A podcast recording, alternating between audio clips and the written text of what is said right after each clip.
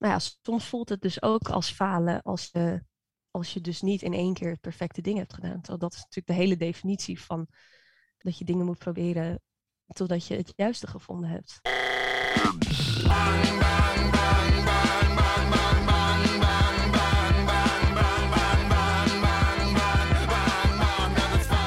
Mag je als psycholoog of als hulpverlener, als je met mensen werkt, zelf ook klachten hebben? Mag je imperfect zijn gevoel en je gedachten? In deze aflevering Sanne Winchester. Zij werkt als GZ-psycholoog en dat staat voor gezondheidszorgpsycholoog. Ze behandelt volwassenen met psychische klachten. En ook schreef ze een boek, Ik mag niet bang zijn. Dit gaat over een hele moeilijke behandeling die ze heeft gedaan toen ze net van de universiteit afkwam. Ze was toen heel onzeker en had zelf ook last van psychische klachten, namelijk paniekaanvallen en de angst om te stikken. Omdat ze dacht dat er iets mis zou zijn met haar hart of longen. Ja, dus wel, ja, soms wel heftige paniekaanvallen in dat ik echt kon denken dat ik dood ging. En dan, uh, en dan daarmee op je werk zitten als uh, psycholoog. Dat is natuurlijk heel, uh, heel raar eigenlijk. Misschien komen mensen wel naar de psycholoog met het idee dat hij het allemaal weet. Dat hij het helemaal op orde heeft. Je gaat ook niet naar een bankdirecteur die zelf miljoenen schuld heeft. Zeg maar, je wil iemand die ervaren is en professional is. Een beetje dat beeld. Maar ja, psychologen zijn ook maar mensen. En toch dacht ze tijdens die moeilijke behandeling waar haar boek over gaat, dat het heel dubbel en eigenlijk raar is dat de psycholoog zelf ook klachten heeft. Uh, maar toen, toen ik net startte en toen ik uh, nou ja, als, als startende psycholoog mijn eerste cliënten ging helpen, toen vond ik inderdaad dat ik perfect moest zijn. Dat ik geen fouten mocht maken en, en zelf psychische klachten hebben was in mijn ogen dus ook een fout maken. Was dus ook niet die gezonde, stabiele behandelaar zijn die ik vond dat ik moest zijn. En dat, um, ja, dat komt ook een beetje door de, de druk die jou wordt opgelegd. En je doet heel verantwoordelijk werk. En zorgverleners voelen zich vaak al heel verantwoordelijk en willen het goed doen en willen vanuit hun hart alles geven. Dus dat zijn ook een beetje mensen die ja, zichzelf een hoge lat opleggen. Um, maar ook omdat er dus niet genoeg over, voor mij in ieder geval toen, niet genoeg over gepraat werd. Ik had nog nooit gehoord dat er een collega van mij of een baas van een psychiater of zo'n hele hoge iemand, dat die psychische klachten had. Dus ik dacht ook echt dat ik de enige was.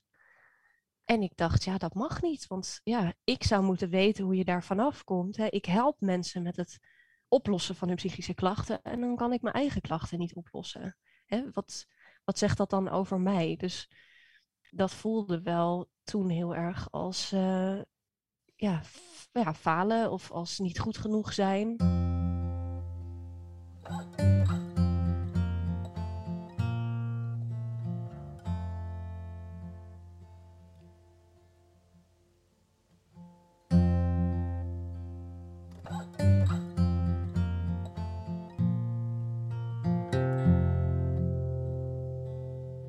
Inmiddels, jaren later, weet ze, ook door het schrijven van het boek, dat heel veel mensen psychische klachten hebben. Tot de hoogste GGZ-behandelaren aan toe. Niemand is helemaal perfect. En nu weet ze dat het heel normaal is. En daarom heeft ze dit boek geschreven. Om iedereen te laten weten dat er niets aan de hand is als je als psycholoog ook zelf klachten hebt. Sanne vertelt waar haar boek precies over gaat. Het gaat over uh, een startende psycholoog, Sanne, dat ben ik. Uh, ik kom net van de universiteit af en ik ga werken bij een uh, bedrijf. Um, nou, wat het niet zo nauw neemt met de regeltjes. En daar um, ontmoet ik Emily, een cliënt, die heel ernstig ziek is. En nou ja, op de een of andere manier worden wij aan elkaar overgeleverd. kan ik daar niet onderuit komen, hoe graag ik dat ook wil. Uh, want ja, ik wil niet zo'n hele ernstige cliënt behandelen. Ik wil daar niet verantwoordelijk voor zijn. Dus wij worden aan elkaar overgeleverd. En het is eigenlijk mijn taak in het boek om uh, haar, haar psychische klachten op te lossen. Uh, daar begint het mee. Maar het groeit uit naar, ik denk wel veel meer dan dat. veel meer het verhaal van Emily. Hoe is zij gekomen tot waar ze nu is? Waarom is ze zo ernstig ziek?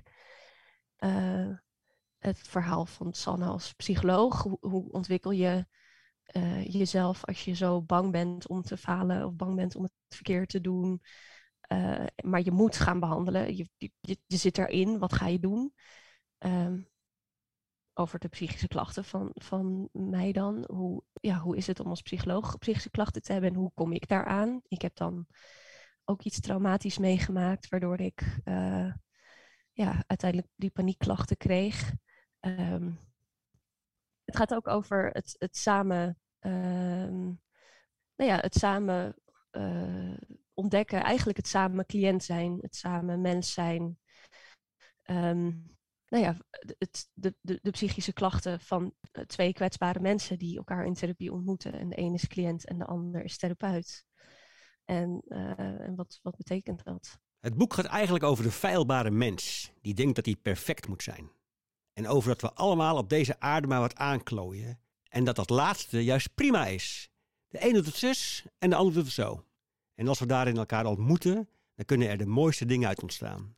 Toen ik het boek las, dacht ik, Sanne voelt zich als therapeut enorm falen, maar ze doet eigenlijk niets fout. Het gevoel van falen komt ook niet letterlijk uit fouten maken, maar uit twijfels of de behandeling wel goed genoeg was. Misschien heb ik niet per se iets fout gedaan, maar heb ik het wel goed gedaan. Ik ben heel erg zoekend geweest in mijn behandeling met Emily of in ons contact. Um, en ik heb niet meteen uh, de, eerste de eerste goede oplossing kunnen bedenken. Of ik heb niet het beste behandelprotocol kunnen doen. dus het was allemaal wel uh, dingen proberen, een soort trial and error. Uh, waarmee we uiteindelijk zo over de finishlijn zijn gekomen.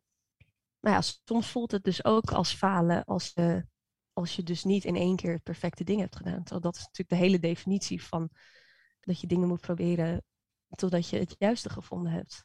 Nou ja, misschien was, de, was in mijn ogen toen de fout dat ik, dat ik niet meteen wist wat ik moest doen alsof je in één keer paraat moet staan en meteen het goede antwoord moet geven. Alsof het een soort quiz is waarbij het goed of fout is.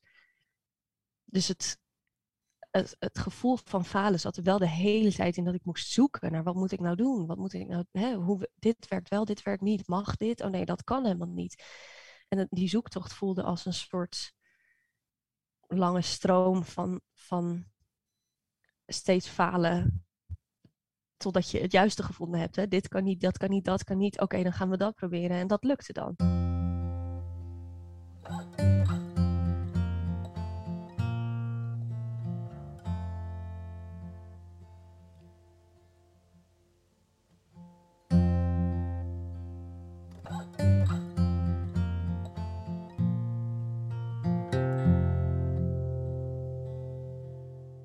Falen van Sanne was het niet per se fout te maken, maar het idee dat ze zich een aantal dingen niet kon veroorloven.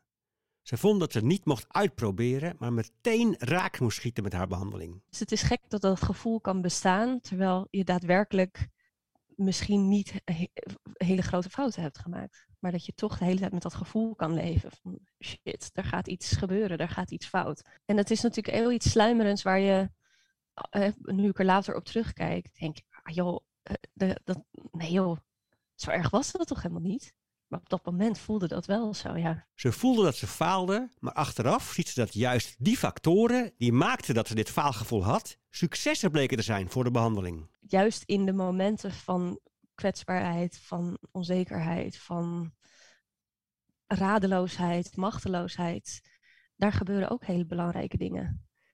Die we niet kunnen samenvatten in een protocol of in een behandeling het was ook nodig om, het, om ja, zo diep te gaan. Is ook dat ik zelf psychische klachten had toen, maar ook dat ik onzeker was en dat ik aan alles twijfelde, dat ik overal over nadacht en dat ik uh, allemaal dingen die ja, in de wereld van de psychologie niet, niet heel standaard zijn, er niet altijd bij horen, uh, maakte wel dat wij samen ja, iets prachtigs hebben, hebben neergezet, denk ik. Of in ieder geval iets heel waardevols. En ik denk, ik, ja, ik noem dat steeds mens zijn, of kwetsbaar zijn, of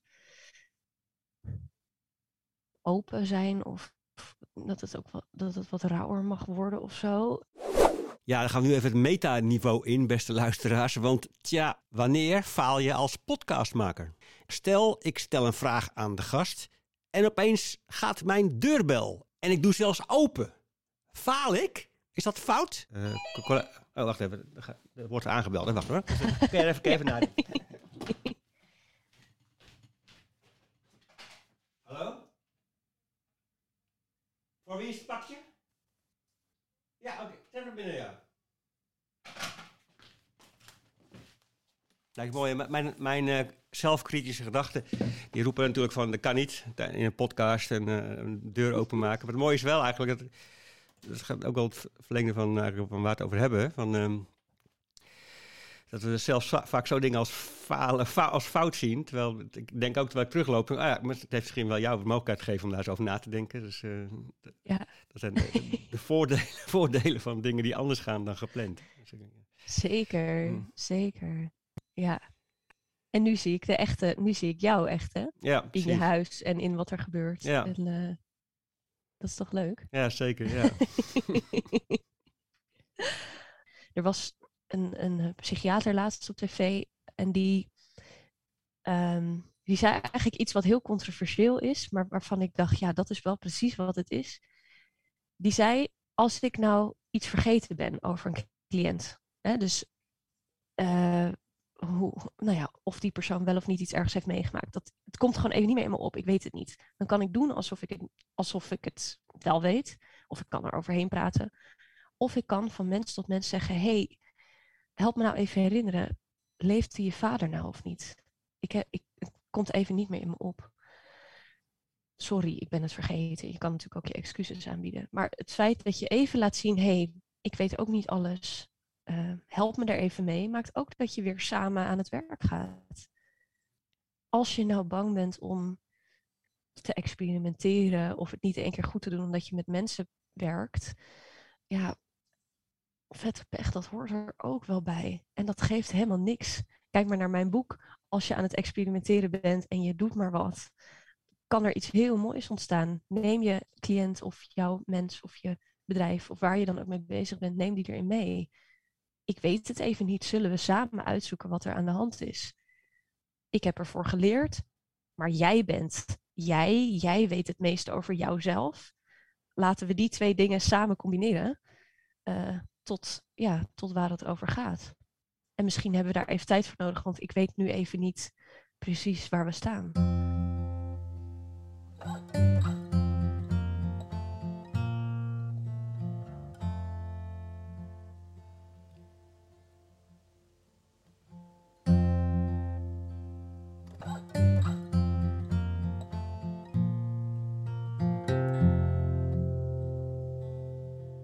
Jezelf toestaan om het niet te mogen weten. Hoe mooi is dat eigenlijk? En waar ze in haar boek schrijft over een jonge psycholoog die worstelt met het niet weten, zegt de oudere Sanne van nu: keer het om. Maak van je worsteling een kracht. Want of je nou therapeut bent of niet, de worsteling is waar het om draait. Dat is ontdekken, dat is het leven. Ik kan nu met mijn vingers knippen en eh 30 jaar later zijn en veel, een prachtige carrière hebben en eh, een mooi huis en dan is het af. Maar het leven is toch ook dat je valt en opstaat en dat je echt verwerkt en dat het niet lukt en dat je dan weer eh, iets anders probeert en dat dat wel lukt en dat je dat viert. Eh, De, de worsteling en het vallen en opstaan is wat het belangrijkste is, is waar je van geniet, is waar je leert. Dus als mensen bang zijn om dat te doen, dan zijn ze eigenlijk bang om, om het aan te gaan, om iets kwetsbaars aan te gaan. En Ja. daarvan zeg ik eigenlijk dus, misleidende titel, je hoeft niet bang te zijn. Doe het maar gewoon. Dus ik zit in de worsteling met angst of met dat ik iets niet weet met een cliënt of met een belangrijke klant of eh, dat ik niet weet hoe ik verder moet met mijn partner. Ik kan heel erg vasthouden aan dat ik het niet weet. En ik weet het niet en ik zou het moeten weten en het, hè, het moet perfect zijn en ik moet een oplossing vinden. Of je kan aandacht geven aan, ik ben het aan het uitzoeken. En ik eh, ga dingen doen om het uit te zoeken. En ik ga eh, bekijken naar wat ik, wat ik wel kan of wat ik wel fijn vind. Of dat ik, hè, dus je verplaatst naar, ja, naar het toch aangaan van de worsteling. Niet meer stilstaan in het angstige gevoel, maar ga maar, ga het maar aan. Maar om dan toch even de advocaat van de duivel te zijn, kun je het je als hulpverlener wel veroorloven om het niet te weten, om te worstelen, om er wat aan te klooien. Want je werkt toch met kwetsbare mensen? Als wij als hulpverleners heel erg bezig zijn met ik moet het goed doen, ik moet, hè, eh, eh, want ik werk met kwetsbare mensen, dan hou je ook heel erg de verantwoordelijkheid bij jezelf. Terwijl die cliënt is ook verantwoordelijk voor zijn of haar leven, of zijn of haar proces. Dat zijn jullie samen. Dus je gaat ook niet een goede samenwerking aan. Als je nou een, een, een, taak zou moeten uitvoeren met iemand. Hè? Twee mensen moeten samen een taart bakken en ze moeten uh, allebei evenveel werk doen. Als die ene de hele tijd denkt dat het zijn verantwoordelijkheid is en dat het, hè, dat het wel goed moet lukken en dat het, nou, dan kan je je voorstellen wat dat met die ander doet. Je bent niet lekker aan het samenwerken en een taart aan het bakken.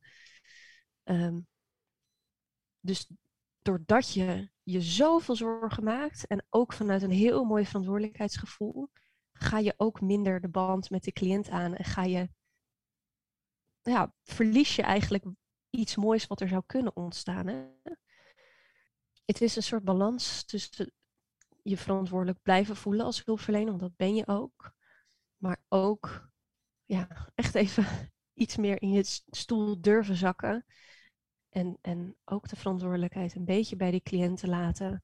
Of hem samen te nemen en te zeggen: hé, hey, we gaan samen uitzoeken wat er nu aan de hand is. Dan nog even terug naar het verhaal uit haar boek. Naar Emily, haar cliënt die ze behandelde terwijl Sanne zelf enorm in de perfectiestress zat. Toch is de behandeling goed verlopen. En doordat ik ook op een gegeven moment voelde van ja, ik, ik heb echt geen idee wat ik aan het doen ben. Dat vind ik heel angstig. Maar ja, ik zie wel dat wat wij aan het doen zijn, dat dat zin heeft. Oké, nou, bot gezegd, fuck it, go with it. Dat is uiteindelijk hoe zij mij heeft kunnen meeslepen in laat het maar los. Want je, ja, wie ben, wie ben ik om te bedenken dat ik het helemaal perfect moet doen en dat ik het beste weet voor haar, terwijl zij haar leven leidt. Zij heeft haar lijf, zij heeft haar gedachten. Als zij nou iets zegt, dan weet zij dat toch beter dan ik. En dan nou, probeer ik daarop te vertrouwen, maar daarvoor moet ik mijn eigen perfectionisme inderdaad even loslaten. Dan tot slot nog even terug naar de imperfectie van deze podcastaflevering. Want misschien hoorde je als oplettende luisteraar dat de internetverbinding van Sanne soms wat haperde. En mag dat? Kunnen wij, Sanne en ik, en jij als luisteraar, deze imperfectie accepteren en de perfectiestress loslaten? Goed zo. ik hoop dat ik niet te veel internetgezeik uh, heb opgeleverd. Imperfecte audio en... Uh... Ja, ja. Ja, het is echt, ik heb dit nog nooit, dus het, is, het had zo moeten zijn. Dit is ook weer een oefening voor mij om los te laten dat mijn internet slecht is.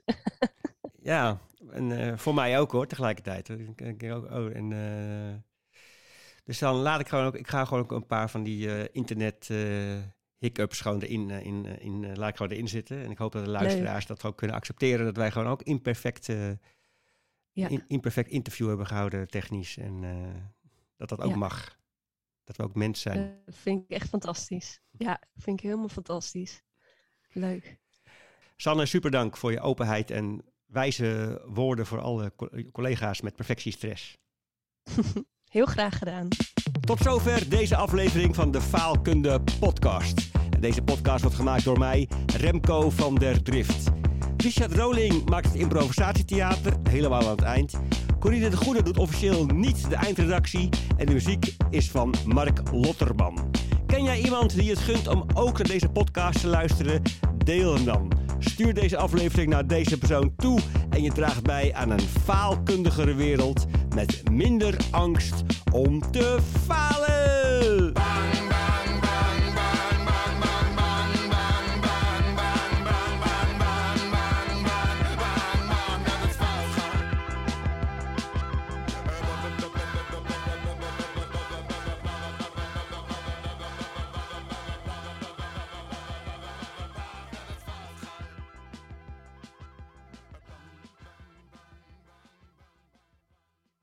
Een psycholoog die zelf psychische klachten heeft?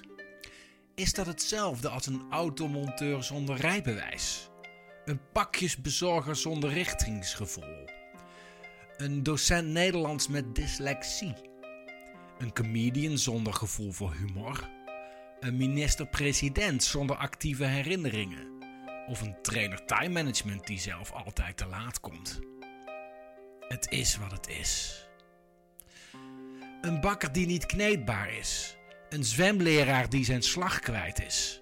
Een machinist die ontspoort. Een jager waar je niet mee kunt opschieten. Het is wat het is. Een wereld die niet utopisch is. Een mens die niet menselijk is. Een imperfectie die perfect is zoals hij is.